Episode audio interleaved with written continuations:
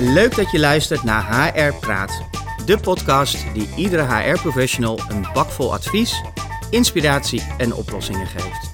Mijn naam is Marco Winkel, HR-directeur bij Visma Raad. Visma Raad reikt sinds 2020 de HR Professional van het Jaar Award uit. Een initiatief dat midden in de roerige coronapandemie is ontstaan. Wij merkten binnen Visma Raad dat vrijwel elke vraagstelling die er rondom corona speelde, van ziekte tot thuiswerkplek, een link met HR had. Tijdens de pandemie hebben veel bedrijven zich nog meer dan anders met het welzijn van medewerkers bezig gehouden. Iets wat veel van de HR-afdelingen in Nederland heeft gevraagd. Vandaar dat wij hebben besloten om een HR-verkiezing in het leven te roepen, waarmee HR-professionals een jaar lang in het zonnetje worden gezet. Welkom Ronald. Je hebt in 2021 deze award in ontvangst mogen nemen. Leuk om je daarover te spreken en het te hebben over het prachtvak HR. Maar voordat we daarover verder gaan praten, wil ik eerst van jou weten wat jouw hoogtepunt van de afgelopen periode was. Ja, ik denk dat het er meerdere waren. Ehm, ja, ik was echt uh, ja, zo ontzettend trots dat ik HR-professional werd. Uh, ja, had ik gewoon niet verwacht. Het was mooi dat, uh, om dat mee te maken. Ik vond het ook echt een bekroning op de 15 jaren uh, die ik al binnen het HR-werkveld werkzaam ben. En ja, weet je, ik heb in 2021 iets ongewoons gedaan binnen de zorg. Hè. Ik ben jaren werkzaam geweest binnen de zorgsector. En ik merkte in coronatijd uh, ja, dat, het, dat het zorgpersoneel het echt zwaar had. Ja. En ik dacht, ja, nou, daar wil ik, ik wil gewoon zelf ook een steentje bijdragen. En dat is dan super lastig, want ik heb geen zorgdiploma, maar dat betekent niet dat ik niks kan. Dus ik dacht, ik ga gewoon helpen op de groep. Ik kan koken, ik kan spelletjes spelen met cliënten. Dus ik dacht, ik ga het gewoon even over een andere boeg gooien. Want nood breekt wet. En ik dacht, ik ga ook eens buiten mijn kaders wandelen. En ja, dat vond ik echt ontzettend mooi. Om gewoon buiten die vier muren, want HR-professionals zit gewoon vaak in een kantoor. Om eens ook even echt verhalen uit de zorgsector te horen. En gewoon met mensen mee te lopen, naast ze te gaan staan. Zeker in zo'n moeilijke periode als corona. Ja, nee, dat, dat herken ik zeker. Je kan het bijna niet meer bedenken dat we eigenlijk een jaar geleden in een andere situatie zaten uh, daarin. Dus wat, wat heeft het jou gebracht toen je daar stond opeens in zo'n woongroep? Nou, wat het mij uh, uh, als HR-professional bracht, is dat ik ook echt, weet je, vaak maken we bijvoorbeeld een functiebeschrijving voor iemand, hè, dat doen HR-adviseurs. Maar ik dacht, ja, wat doet iemand nou echt in de praktijk? En wat ik mooi vond om, uh, om te zien, dat onze medewerkers echt verbinding maken met de cliëntengroep van ons. Hè. Een organisatie waar verstandelijk beperkte mensen wonen. En ja, dus het is ontzettend mooi om te zien hoe een medewerker dan verbinding legt met een cliënt. En ik vond het gewoon mooi om, om zelf mee te maken. Dat ik ook gewoon op een laagdrempelige manier met medewerkers in gesprek kon gaan. Ja. Hè, wat vaak maak je beleid of geef je een advies aan een manager. En ik, ja, je ziet die medewerker bijna niet echt zelf. Behalve als er een dysfunctioneringstraject is of een ontwikkelvraagstuk, een mobiliteitsvraagstuk. Maar echt gewoon met de mensen van de werkvloer het gesprek aangaan en verbinding creëren. En dingen samen doen. Ja, was voor hun waardevol, maar net zo goed voor mij. Ik wilde net zeggen, dat is denk ik als professional binnen het HR-werkveld, maar eigenlijk elk werkveld van belang. Hè? Dat je inderdaad die groep die het eigenlijk supergoed doet, die verliezen we gauw uit het oog uh, daarin. Precies, hè? dus het, het, maakte voor mij echt de mens weer zichtbaar. En dat ja, vind ik ontzettend belangrijk. Ik werk nu niet meer binnen uh, de zorgsector. Ik heb een andere uh, baan op dit moment. Maar goed, daar komen we straks daar komen we zo meteen op. Maar ja. bij mijn vertrek zei mijn uh, bestuurder voor wie ik werkte... jij hebt ons de mens weer laten zien binnen de organisatie. Nou, een mooie compliment kon ik eigenlijk niet krijgen. Nee, maar ik denk dat dat ook een van de, de, ja, de selectiecriteria uiteindelijk heeft gezorgd... dat jij die fantastische prijs hebt ontvangen natuurlijk van HR Professional van het jaar die we in maart afgelopen jaar hebben uitgereikt uh, daarin. Nou, dus dankjewel. Dat, dus dat uh, is een zeer mooi compliment uh, daarin. Um, dit is de dertiende aflevering alweer van HR Praat. elke aflevering bespreken we, zoals Amerikanen ook altijd zeggen, het woord up. Van joh, we zijn heel benieuwd wat in jouw carrière misgegaan is, maar ook uiteindelijk voor onze luisteraars. Waarvan heb je geleerd? Um, ja, er zijn natuurlijk altijd dingen in, in je werk waarvan je denkt: dit had ik anders willen doen en beter willen doen. Um, wat ik, het was ook in coronatijd. Hè, um, en op een gegeven moment zou ik een functioneersgesprek hebben met een manager en een medewerker. En ik vind het altijd belangrijk om dat soort gesprekken goed voor te bereiden. Zeker als gesprekken moeilijk zijn, dan wil ik ook gewoon weten, nou, welke rol pakt uh, nou die leidinggevende, hè, die dan het gesprek moet voeren. Dus ik ging op zoek naar die manager, want ik wist, ik heb om uh, twee uur dat gesprek, dus half twee wil ik dat nog even voorbereiden. Dus ik kom bij zijn kantoor, is die blijkt hij naar huis te zijn gegaan. En had hij dus het gesprek omgezet naar een online gesprek. Nou, ik heb dat gesprek gedaan. Dat zou ik echt nooit meer doen. Want ja, weet je, je kunt alleen maar iemands hoofd zien hè, als je digitale gesprekken voert. Dus ik miste de lichaamstaal. Nou, we weten allemaal ook vanuit allerlei wetenschappelijke studies dat non-verbaal gedrag ook belangrijk is. Ja, ik, vond, ik heb daarna ook gewoon met die manager gepraat en gezegd: dit ga je echt nooit meer op deze manier doen.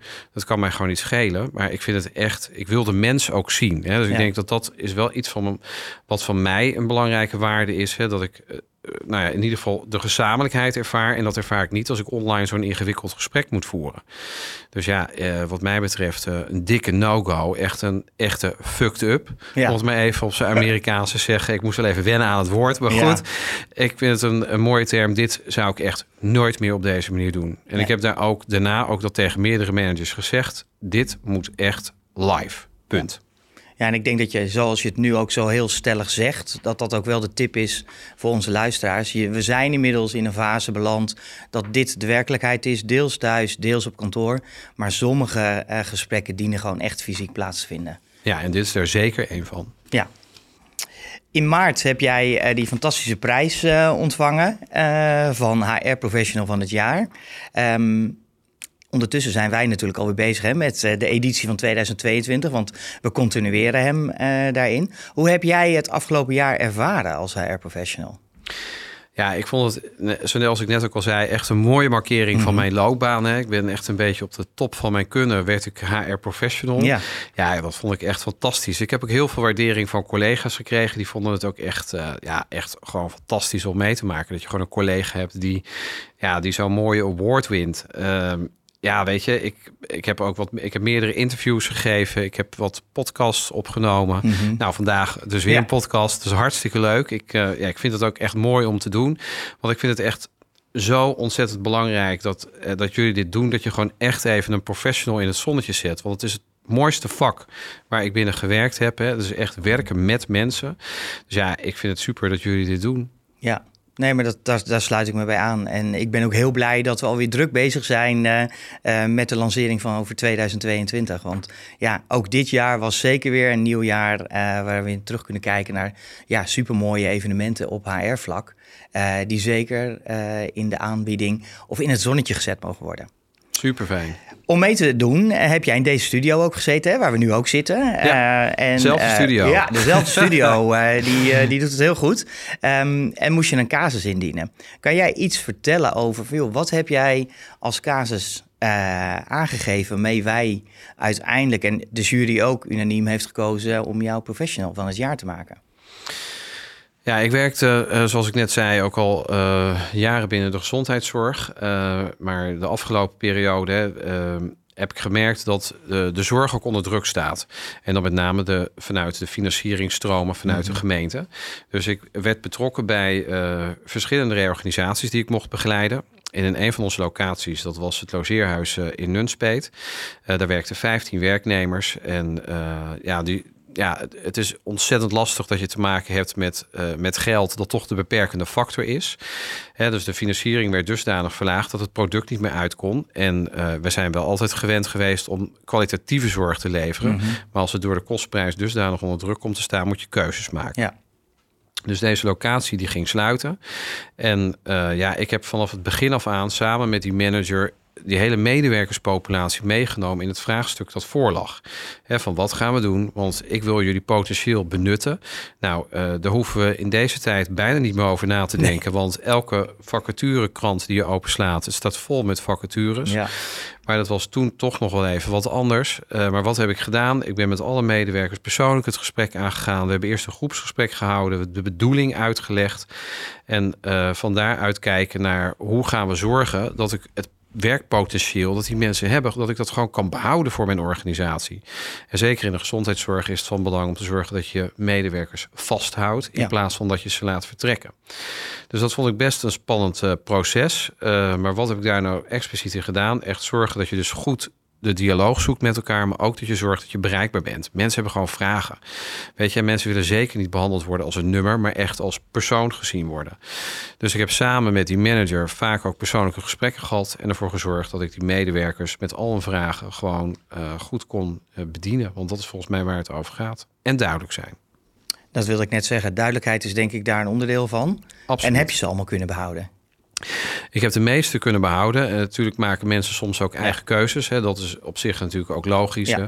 Dat als uh, ja, weet je, je toch wat verder weg woont van de locatie en je wordt verplaatst naar mogelijk een andere uh, locatie. Ja, voor sommige mensen is reistijd en reiskosten natuurlijk ook een bepaald soort punt. Ondanks dat je daar voorzieningen voor hebt in je sociaal plan. Ja. Nee, maar dat, dat is altijd logisch. Maar het uitgangspunt heb je behaald. Het uitgangspunt dat is heb super mooi. Nou weet ik uh, dat, dat reorganisaties is gewoon een onderdeel van HR. Uh, eh, is niet altijd het leukste onderwerp hè, waarmee je aan de slag zou willen als HR-professional. Welke tip heb je voor onze luisteraars?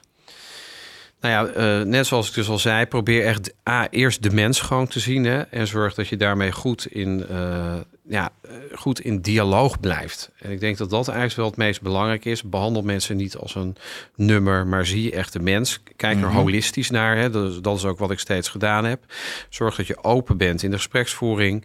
Uh, bespreek met ze. Heb je een netwerk achter je, zodat je, want het zijn natuurlijk moeilijke situaties waarin je terechtkomt. Zeker als je weet dat je werk gewoon ophoudt. Ja. En want dat is feitelijk wat ik tegen iemand zeg. Jij mag vandaag niet meer werken, of morgen, of uh, welke termijn er dan ook aan gekoppeld is. Uh, en daar expliciet aandacht voor hebben. En dus ook weten dat er echt een mens tegenover je zit. Dus maak het menselijk. Behandel iemand gewoon zoals je zelf ook behandeld wilt worden. Dat is wel de waarde waarvan ik uit werk. En, de, en de, het verschil tussen uh, rollen, man-vrouw, heb je daar ook een tip over? Uh, nou, kijk, ik heb natuurlijk jaren binnen de zorg gewerkt, waarin toch echt wel 95% mm -hmm. vrouw is. En in de uitvoerende zorg ja, kun je bijna geen mannen vinden. En dat is gewoon een gegeven feit. Dat weten we ook uit onderzoeken.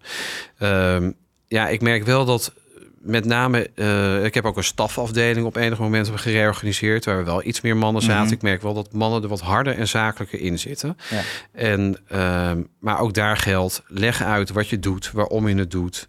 En wees daar gewoon open en eerlijk over wat ik daar bijvoorbeeld echt merkte, is dan noemden we het herpositionering. En dan zit ik gewoon in gesprek en zei gewoon: nee, jongens, het is gewoon een reorganisatie. Wees gewoon eerlijk. Ja. En uh, ga niet zeggen, ga geen moeilijke woorden gebruiken of zo. Weet je, uh, leg het in simpele taal uit. Maak het hapklaar en duidelijk voor iedereen. Uh, we weten allemaal wat er gaat gebeuren, maar wees daar gewoon open over. Ja.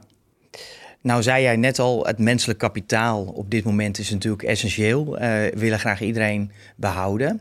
Um, hoe kijk jij ernaar, uh, of hoe kijk jij er zelf naar? Hoe hou je nou mensen tevreden tijdens zo'n reorganisatie? Want je wil ze enerzijds behouden, het werk moet nog wel doorgaan, het houdt op een x-moment af. Je kan niet dat ze gelijk stoppen. Uh, hoe hou je nou medewerkers tevreden? Ja, hoe je medewerkers uh, tevreden kunt houden is door, denk ik, wel steeds de, dezelfde boodschap uit te blijven dragen.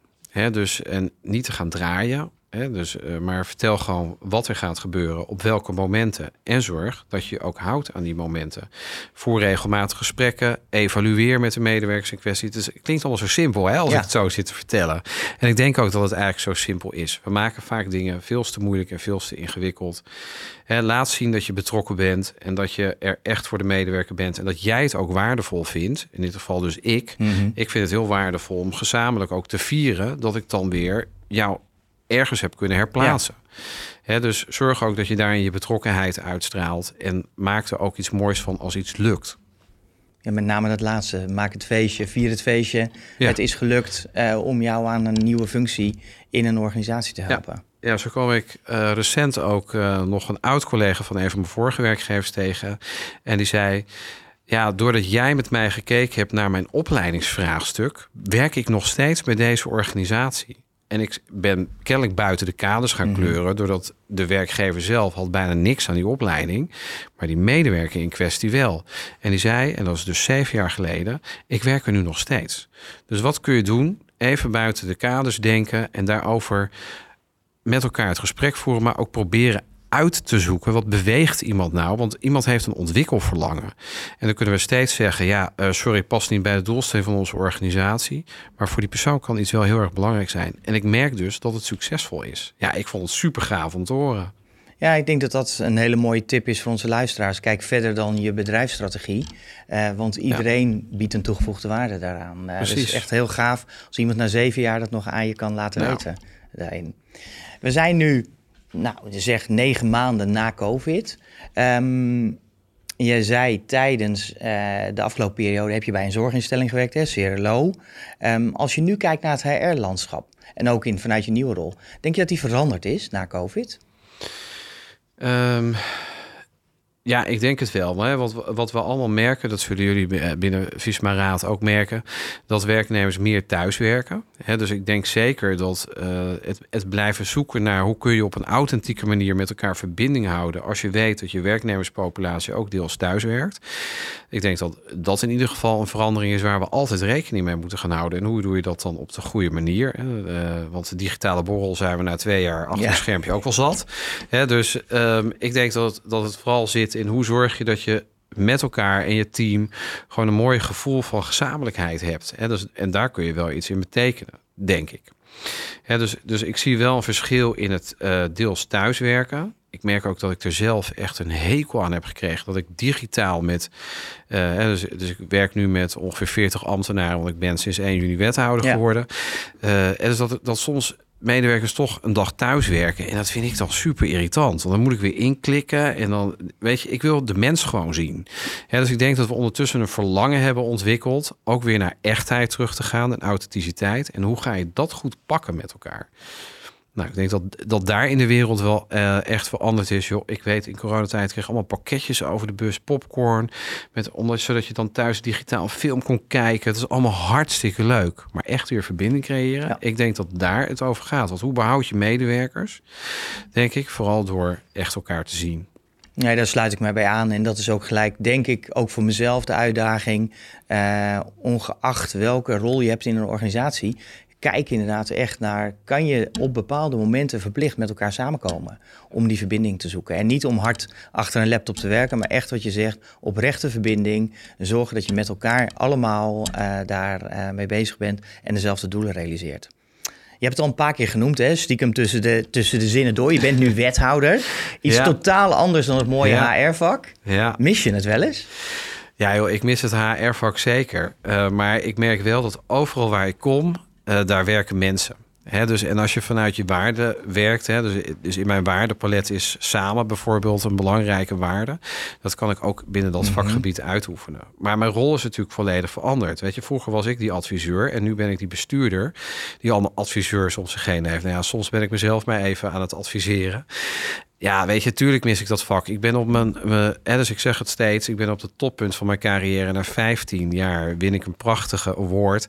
Ja, dus ik ben op het toppunt gestopt. Ja. Ook dat vind ik wel eens leuk om mee te maken. Want vaak merk je dat hè, sommige mensen, dat heb ik natuurlijk ook gemerkt in veel mobiliteitsgesprekken, dat mensen gewoon net te lang bij een organisatie zijn blijven werken. Dus ik kan nu zeggen, ja, soms is het ook goed om een keer op je top te stoppen. Heel mooi. Nou heb jij vaak die vraag aan medewerkers gesteld. Hè? Je moet buiten je kaders uh, uh, stappen. Hoe voelt dat nu voor jezelf?